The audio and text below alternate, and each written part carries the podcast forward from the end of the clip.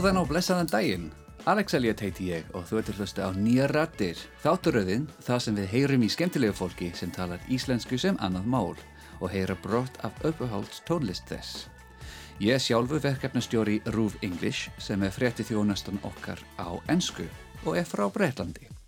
Ég byrð þess vegna velviðingar á mistökum mínum í talaður í íslensku en það er að rauðmerki um að það er stór hópu fólks hér á landi hérðan og þaðan á heiminum sem talar íslensku og tekur þátt í íslensku samfélagi á hverjum degi. Og einn af þessum hópi er einmitt gestur dagsins, Davor Purisic, lögfræðingur, þýðandi og tólk sem er uppröðanlega frá Bosníu og Herzegovinu.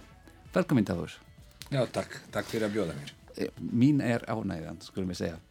Herðu, uh, þú flutti hinga til lands árið 1993, segðu? Já, ég kom til Íslands uh, í 8. oktober 1993 að því að ég hef slasast í átökum í borgarastriður í fyrirverandi Jugosláfíu og uh, þá Íslands tjórnfólk ákveðu einhver tíman í snemma 1993 skilis mér að taka á móti slósuðu fólki og veita þeim aðlýningu og læknismetverð hér að því að það voru engin móguleik að fólkið fæ læknismetverð eða viðegandi metverð sem sett nýður í Sarajevo að því að það vantaði bæði uh, efni til metverðar, líf og allt og mat og allt hitt þannig að þá var farið af stað. Flottamannastofnum saminuð þjóðina og alltjóða Rauðakrossin fór á stað með þetta verkefni að finna stað, viðegandi stað fyrir slasat fólk frá Sarajevo og þannig þegar Íslandingar búðu sína aðstöð þannig að ég endaði hér. Og hvernig var það ferli? Vissiðu eitthvað um Ísland áður en, áður en Nei, að því að það var í rauninni snemma var ákveðið að taka þessari ákvörðun og hver fer og hver fæ læknismetverð á læknisfræðilegum grundvelli, ekki á politískum. Sens að það voru þarna tilraunir til að byrja með þess að þjóðir heimsins vildu fá bortnina því að það var mjög flott í sjónvarpinu og í fréttum að sína hvað eru allir góðir eru og bjarga bortnum mm. en allt við að Rauðakrossin og uh, flottamannastofnum þó sögdu bara nei það er bara eftir að ætla að hjálpa þá við skulum finna fólkið sem virkilega þarf hjálp og þá við skulum pass, pusla þetta saman mm. þannig að London bara sögdu hvað marga þeir geta tekið við og þá flottamannastofnun og allt við að Rauðinkrossin þeir fundu sjúklingana sem þurftu aðstöð og gáttu fengið aðstöð og þá var, þá var pusla þessu saman. Einhver staðar ger ég ráð fyrir í Genveð eða einhver annar staðar mm. en ég gati ekki valið. Í rauninni ég fór gegnum lækniskódun frá alltjóða teimi sem kom reglulega til Sarajevo á þessum tíma og nýðustada þeirra var að minn sár og meðsli eru þess edlis að það er hægt að hjálpa mér í edlegu umhverfi einhver annar staðar og þess vegna að ég uppfylli all skilirði til að vera fluttur mm -hmm. vegna læknismætverðar þá ég þurfti að sækja um lefi frá bosnískum stjórnföldum að fara úr landi á þessum tíma því að þá ríkti stríts ástandi í Sarajevo og uh, þá ég beigð í sex mánuði í Sarajevo. Að það er fundið land og uh, þá var bara hringt í mig einn dag og sagt herru, miðvíkudagi næstu vík þú þarf að koma á spítalan að því að þá þú ert að fara til Íslands í læknismeðferð. Þá ég heyrði í rauninni, í rauninni fyrsta skipti nefnd Ísland. Þannig að þú beist þú beigð svona lengi eftir með, meðferð Já, ég, ég slasaðist fjöri sínum og síðast ég slasaðist 4. desember 1992 og eins og ég segi ég var með opinn sár þanga til ég kom til Íslands í 8. oktober 1993 Ok, og hvað varstu fljóttur að jafna sér eh, eftir, eftir þessu aðgeð? Fyrstu, já eftir þessar aðgerðir. Já, fyrir, ég, fór samanlagt, ég fór samanlagt í 17 aðgerðir. Nýju af þeim voru framkvæmt hér á Íslandi og eitthvað svona einfaldar á þetta sem var hægt og gert var í Sarajevo. Mm. áður en ég kom hingað en uh, ég nokkuð veginn var fyrsta eitt og hálft ár ef ekki tvo meira eða minna inn og út úr spítalanum. Og ég lífdi á þeim, þeim tíma annað hvort í bæklunadeild í landspítalanum við Hringtorg eða í gamla Hotel Lind á Rauðarárstíklum sem var þá uh, Rauðakross hotelið og er aftur. Og er aftur, og er aftur í Já, dag. Já, já. svo kom COVID mm. einmitt. Vá, ok, þetta skulum við segja erfitt byrjun á, á tíman á Íslandi og kannski Já, það var það var erfitt bæði, bæði fyrir mig og það var erfitt líka fyrir fólkið kringum mig. Að því að ég he, ég kom þannig séð í mjög slæmu bæði líkamlegu og andlegu ástandi alveg beint úr stríðsátokum það sem maður var í rauninni berjast fyrir sínu einn lífi á, fyrir, á hverja e e- einasta degi og uh, þannig að það er mjög erfitt allt í einu svona yfir nóttina bara smetla með puttana og segja núna er allt eðlilegt, þú þarf að slaka á. Þannig að það tók ég man eftir því að það var svona stór spurningamerki á andlit á öllu fólki þegar að því að við vorum með svo miklar sýkingar að því að við komum tveir á þessum tíma afsakið ég misti þessu. Við komum tveir slasadir á, á, á þessum tíma og við vorum með svo miklar sýkingar í okkar sárum og allt og það var ákveðið sensatir önni við vorum teknir úr flugvél og settir beintin í einangrun þangað til þeir klára eða hreinsa ekki sýkingar með síklarlífjum og allt og þá sem sagt ég var keirður frá Keflavíku flugvelli beint inn í landspítalan á sjúkrabíl og þegar við loppuðum inn í sjúkraherbergi þar sem ég átti að vera í einangrun og ég horfði kringum mig og horfði á herbergi fyrsta sem ég sagði já ég er ekkert að sofa undir glukkanum og fólkið var ha hvað meinar? já ég er ekkert að sofa undir glukkanum ég meina ef sprengja fellur fyrir utan þá glerið á alveg, alveg að drepa mig skilu ég er ekkert að sofa undir glukkanum og þá var fólkið já, uh, bitur við það við erum á Íslandi, það eru engan spreng nei, það í mínum huga var þetta ekki en þá, það var bara engin munur, -hmm. það er bara ég er ekkert að sofa undir glukkanum og punktur Já. það var ekki til umræðu þannig að ég var heppin að því að þetta var skilningsrík fólk og tilbúin að gera allt sem er sem þau geta að hjálpa mér og ég held að það er þau hafa alveg farið með mér gegnum ímis svona atriði sem kannski var ekki hugsað og í dag ég get alveg sjálfur sagt er ekki kannski erlegt mm. en hér erum við það tekur tíma það er ekki Já, það tekur staðsetningin tíma. Þú mátt alveg koma til, ný, til nýs lands en, en, en þú ert ekki búin að breyta strax í sjálfur sér Nei, það er, já, það maður, fólkið breytist ekki á einni nótt Einmitt.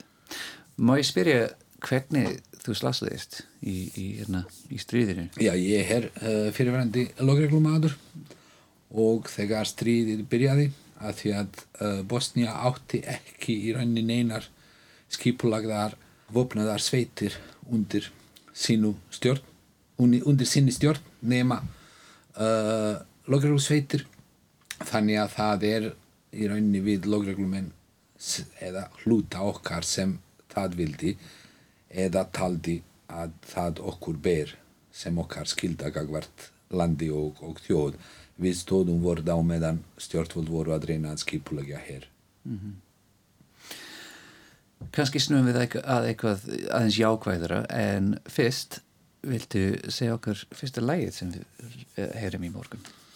Já, fyrsta lagið sem uh, ég valdi er uh, sem sagt heitir Lipetsvatu og er af hljómsveit- hljómsveitinni Bielodugme og ég held hvað var þar fyrirverandi Jugoslavi og jafnvel lond þarna kringum það er bara ekki tilmanneskja sem hefur ekki heyrt og kannast ekki við þennan hljómsveit þau hafa verið vinsæl í áratugum saman. Þegar ég var smákrakki og gegnum mína æsku og ég, við erum svo margar kynnslóðir sem erum búin að alast upp á, á, á þessum rock'n'roll og pop. Þeir eru meira rock'n'roll heldur en pop en hann Goran Bregovic er þekktur lagasmíður -hmm. sem var fórsprakki og svona heil, heilin bakvið hljómsveitinni. Og hann er uh, var líka í, í longu og farsætlu starfi með Emir Kusturtsa leikstjóra og hefur samið tónlist fyrir hans bíómyndir. En hann er eina fyrstum sem byrjaði að koma sem sagt fólk tónlist, fólkljómum inn í rock'n'roll og þetta er í rauninni plata sem koma þessi lag og, og, og nokkri aðrir sem koma sem er í rauninni að taka þessi þjóðlóg og þjóðhljóm og setja þetta, vefja þetta inn í, inn í svona smá rock'n'roll og nútíma tónlist. Og er sagt, hans sterkahlýð er líka því miður er sagt, svona kannski tónlistarleg gildi er ekki svo mikil en uh, ljóð sem tekstar eru óbúslega miklir og það er eins og mér er stundum stritt af, af vinnum og kuningum það er uh, hvernig ég sagt þetta ljúba ljúba það er óbúslega mikið svona ástarljóð í, í, í listum og tónlist í fyrirverandi Jugosláfiu mm -hmm. þannig að hvað heitir það er já þetta er í rauninni um Karlmann sem er að sakna kæristu sínu sem er ekki lengur með honum þó að lífið heldur áfram og það er að byrja að vora og það er blómið að blómstra. Glæsilegt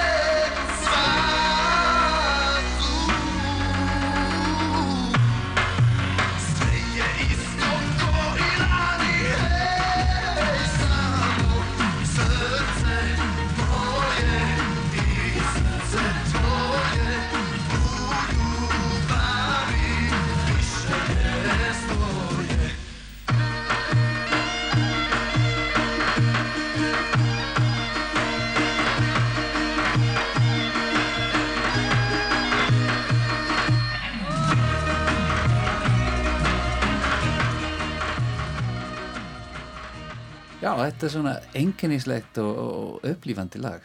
Mjög gaman að þessu, takk fyrir. Nú, snöfum, snöfum okkar kannski að hvernig það var að allagast Ísland eftir löngu dvölin á spítala og, og, og að byrja lífið hér, af því að þetta er ekki eins og í Sarjófu þetta er allt annað land og allt annað menning. Það er þú getur svona hljómað skrítið en það er svo margt sem er öðruvísi sem er alveg eðlilegt en það er líka svo margt sem er svipað eða líkt. Þannig að þetta var kannski ekki, ég get ekki sagt að þetta var eitthvað mikið áfall að því að uh, þarna 1994-5 þegar ég var loksins komin á þann stað að ég get þreifað á mig á uh, vinnumarkaði og leitað vinnu þá var hérna alltaf uppleið mm -hmm. og það var ekkert vandamál að fá vinnu og þannig séð og ég kynntist þess að konni minni uh, einlega við komu til Íslands en þá við vorum svona byrjuð á þeim tíma að svona slá nefjum alvarlega saman voru pælingar að byrja að flytja saman og það var svo margt í gangi. Og þetta er kannski ákveðin hefni fyrir mig að ég einlega lít út eins og Íslandingur ég er kvítur kannski svona pinlítið dekkri á yfirbragði en ekkert óeðlegt eða óvenjulegt fyrir íslenskar kringumstæður. Þannig að það er alltaf þessi sagt, svona fyrsta uh, eða eins og ég er sagt á, á, á, á einsku first impression eða fólkið er svona byrjar að tala við mig að því að við vorum, þess að ég og kona minn við vorum að tala um þetta og ræða hvernig og við vorum að sjálfsögja eðlega fyrst að tala einsku saman. En mér fannst að það er nokkuð veginn að stefna að ég þarf að byggja mér einhverja framtíðin einhverja framtíð hér á Íslandi. Þannig að þá er sagt, hvort er þetta eitthvað langt framtíð stutt eða samtíðraunni er som fyrsta skref að reyna að byggja líf upp hér. Þannig að uh, við ákvæðum að reyna að svissa yfir á íslensku eins fljótt og við gátum að því að ég fór í nám í íslensku nám í námsflokkum Reykjavíkur sem var þá alveg gúðsgjóf fyrir inflytjendur að því að þetta var alveg frábær skóli sem kendi fullorna fólk í kvóldskólanum á þeirra forsendum og þetta var alveg meiri háttar flott árangur og það er enþá húlin ráðgáta fyrir mig á hverju var þetta lagt af?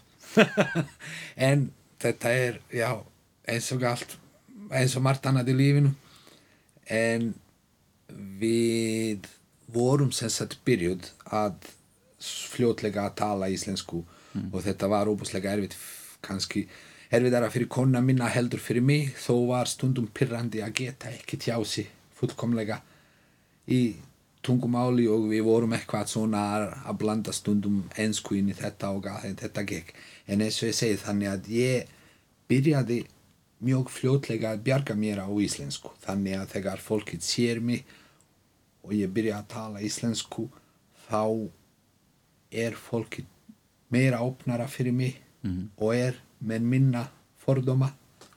Og þá þegar áttar sér eftir nokkra setningar að ég tala skrítið, rangt, með hreim þá er óbúslega erfitt erli mál samkvæmt að fara aftur skrif tilbaka og loka sér. Þannig að ég svona eins og ég segi, ég er búin að stinga fættinum yfir þróskul þá er þetta óbúslega erfitt að, að, að loka hurð þannig að þetta er ég hef kannski ekki verið með eh, hvað maður múndi segja ég hef ekki verið fyrir miklum fordómum eins og fólkið sem er ógljóslega af erlendum bergi brotnir mm. brotin Já, finnst ég þetta hafa vestnað eða bætað með tíma? Ég ég nokku veginn held að ég hef ekki upplifað alvöru forðumar hér á Íslandi á einskinni fyrir en ég kláraði háskólanám einlega hm. að að ég kom hingað með framhaldsskólanám og þannig að ég hef unnið sem bar þjótt brefberi var í morg ára orgisförður hér og þar og ég kynntist alveg helling af frábæru fólki notaði þann blessun og líka það hjálpaði mér að því að ég kynntist gegnum kona minna alveg með helling af vínum sem erum núna orðin vín, vínir á þrýði áratug mm. þannig að það er svona ég hef alveg mjög fín tengslanett og ég er bara óbúslega gladur og uh, og mér finnst mikið heidur að þetta fólk allir kalla mig vín.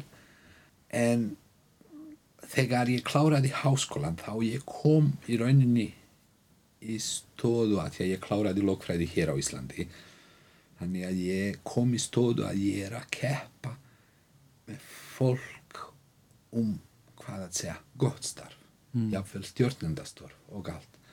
Og þá er allt í einu er ég að koma í þessari stóðu að mér er mismunat vegna uppruna og þá er þetta svolítið svona finnst mér algengt í sérstaklega fólk sem eiga sín einn tengslinett fyrirfram og já, þekki og fólki er, og, og það er eins og þessi það er það er óbúslega erfitt að útskýra þetta en það er svona stundum maður hefur tilfinningu að þetta er svona á milli línana á meðan þú ætlar að skúra og vaska upp þá er þetta fínt. En já, ef þú ætlar að vera einhver stjórnandi eða ef þú ætlar að vera lokfræðingur eða eitthvað skilur að byttu nú við, þetta er ekki svo einfalt, þetta gengur ekki. Mm. og bla, þá er bara allt í einu sett ég menna, ég fór á sínum tíma í domsmál gegn Íslenska ríkinu og ég er búinn að ná að sanna að mér var mismunat vegna óbruna mm -hmm. og ég, mér voru dæmdar skadabætur og mér finnst þetta svolítið alltaf skondið hvernig er þetta hérna á Íslandi þá er sagt, búinn að sanna sagt, í dómsmáli að ofinberi starfsmenn hafa mismunandi mér vega ópruna og það þurfti að borga mér skadabætur úr vasa íslenska skatgreðenda en það var aldrei einn eða neittna ómyndur eða færdur í starfi eða það var, það var bara allt í lagi. Fólki bara haldir helt áfram sínu á allu breytt já, já, já, en þú ert búin að gera svo margt í, í vinnulífinu þínu sem ætlum að ræða aðeins á eftir. En hvað er næsta lægið? Uh, næsta lægið er uh, ef mér minnir rétt fyrir valinu var hljómsveit sem heitir Cervena Jabuka mm -hmm. og þetta er hljómsveit sem hefur kannski ekki verið óbúslega vinsæl en þeir voru vinsæl í Sarajevo og í Bosníu aðalega en mér fannst alltaf svo frábært að að þeir sagt, tókum mjög oft þegar einkenni var að þeir taka þekkt pop og, og, og, og rock log og breyta textan mm. þannig að þá maður gata allt í einu svona sungið þó kann ekki ennsku texta úprannlega laga það er þeir hvað heitir bæði tóku morglóg af segjum Beach Boys Clearance Clearwater Revival og svona þekkt, þekkt hljómsveita að þeir tóku þeirra lóg og bara breyttu textan og, og tóku upp sem og þetta var alveg meira og þeir voru mjög vinsalir og það var mjög gaman á tónleikum þeirra þeir gáttu alveg búið til góða stemning og þess vegna ég ákveða að hafa þau á þessum lista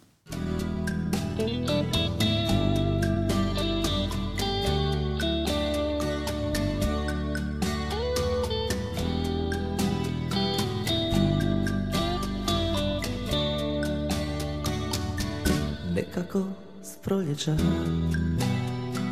Uvijek meni to luta neka čežnja dana Tiha mudrost davna. Puštam ja Stare kopere na perone sudbine. To je miris zrelih godina Moj kaput baš je težak, najdraža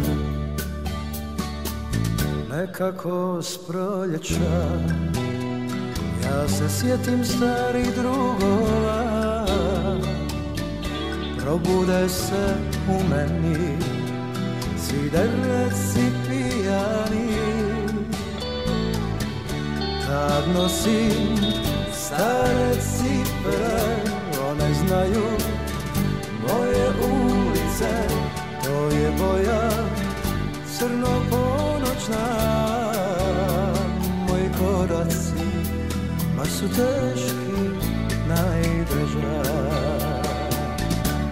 I opet taj osjećaj samoće Kad neće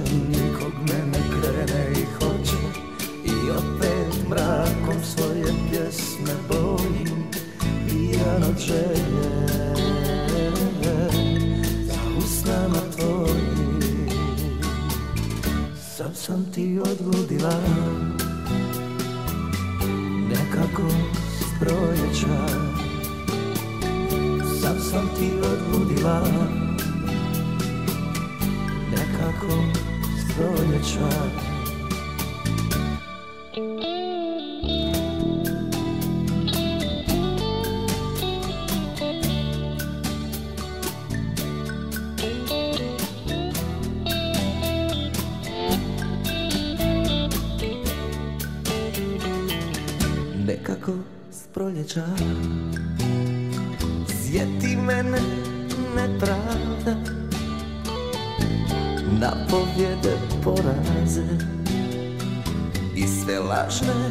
obzire. Napravi račun praštanja Popijem pusta maštanja. To je ukus lijepog kajanja. Moji kapci baš su teški, najdraža. Nekako s proljeća noć mi oči otvara Nemam san da uhvatim, nema dana da me izgubim A hoću da te vodim ja Tragom sunca, jugom maslina. To je dodir tvojih bedara Moja duša, baš te volim I opet dan osjećaj samoće Kad neće nikog mene krene i hoće. I opet mrakom svoje pjesme bojim Pijan od želje Za usnama tvojim Sam sam ti odludila Nekako s Sam sam ti odludila? Nekako s proljeća Sam sam ti odludila? Nekako s proljeća Sam sam ti odludila? Bez tebe s proljeća Mjög flott, takk fyrir það. Við vorum að tala um vinnulífinu, atvinnulífinu. Þú ert lögfræðingur og ekki bara lögfræðingur, þú vinnur hjá ýmsum góðum hérna, málum hjá Rauðakrossinu, eða ekki? Já, ég er lokfræðingur hjá Rauðakrossinum uh, og er sem sagt vinna í hagsmun og gæslu hælisleitinda og hef gert þetta síðustu fjögur ár Og já, hvenær kláraðu í lögfræði Já, í, í háskólanum? sem sagt ég var mjög oft svona þarna á ég kláraði árið 2003 ég ákvað að taka uh, pró, samræfindu prófi í íslensku. Eh, eins og tíundu bekkingar grunnskóla próf sem krakkar. Ég tók bara sagt, uh, ég tók bara íslensku.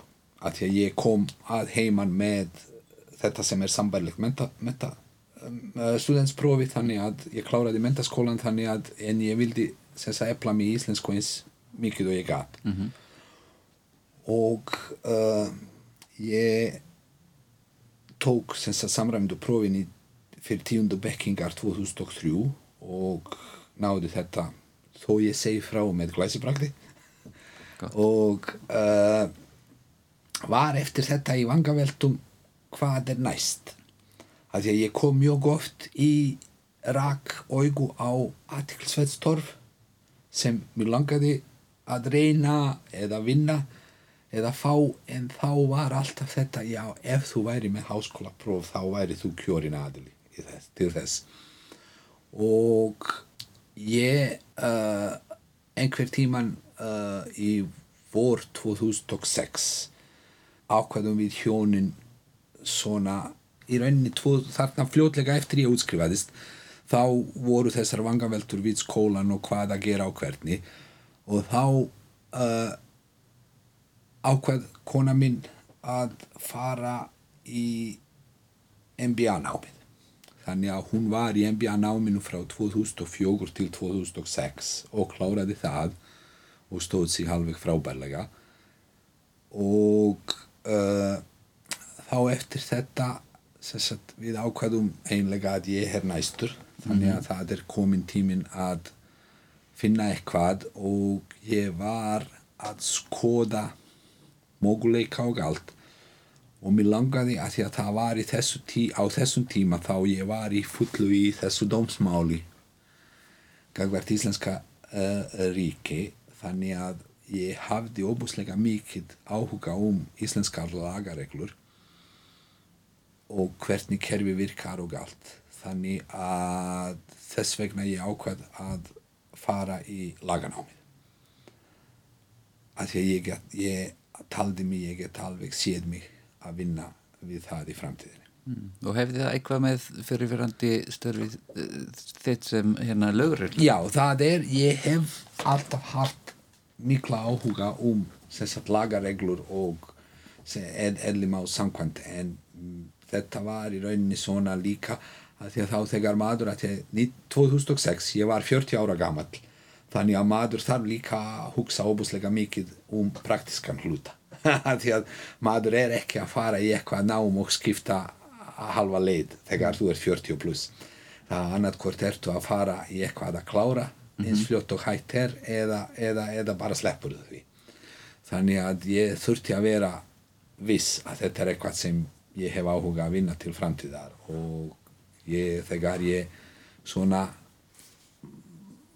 rúlaði þetta í kollinum á mér fram tilbaka í nokkra mánuði þá ég sagði já, ok, þetta er eitthvað sem ég ætla að gera og er tilbúin að leggja mig fram að klára.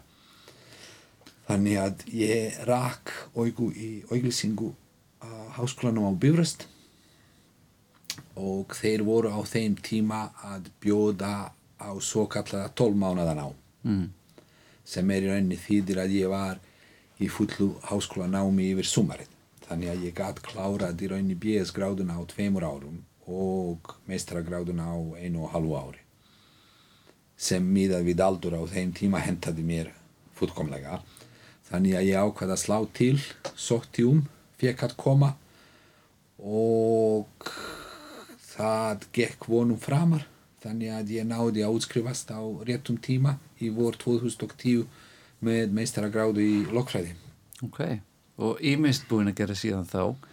Kannski heyrum við í næsta lagið fyrst þá. Já, sem er hvað er við hér á listu eitthvað með Bubba?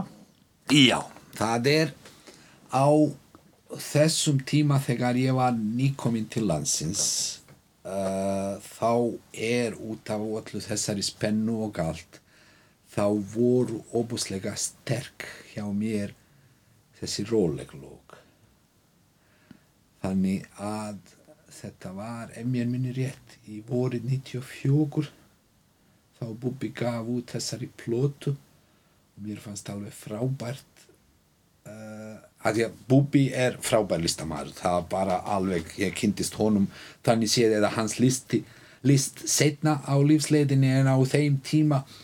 Ég svona eins og allir innflytjendur vissi nánast ekkert um Bubba en maður fannst eftirminnilegt þetta lag og uh, video sem fylgdi því að því að hann og Brynja þáverandi einkona hans voru einhver staðar suður í Evrópu.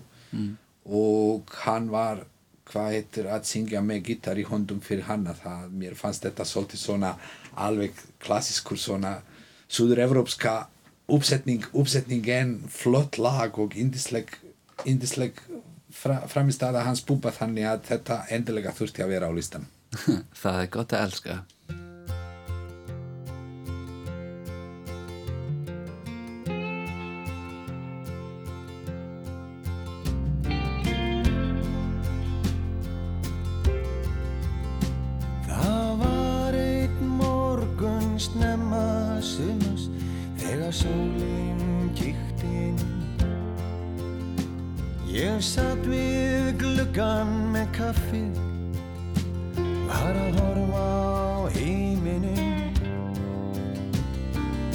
Geistlarnir tipluðinn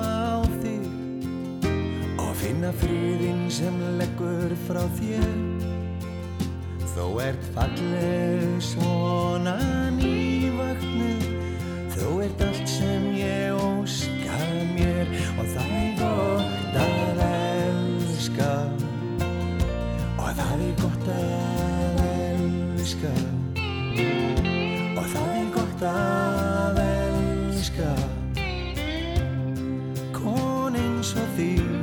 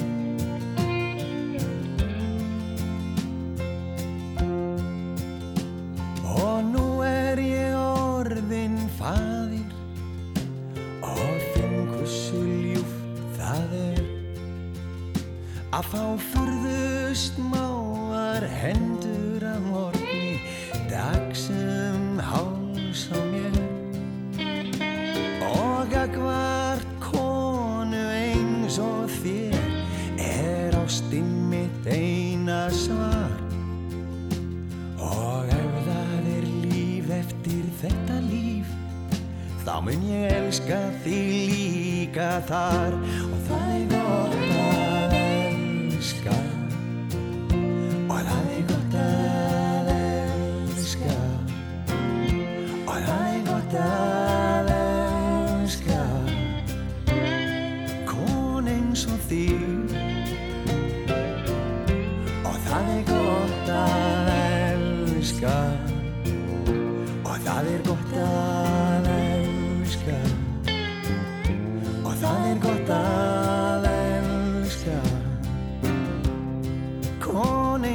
þig.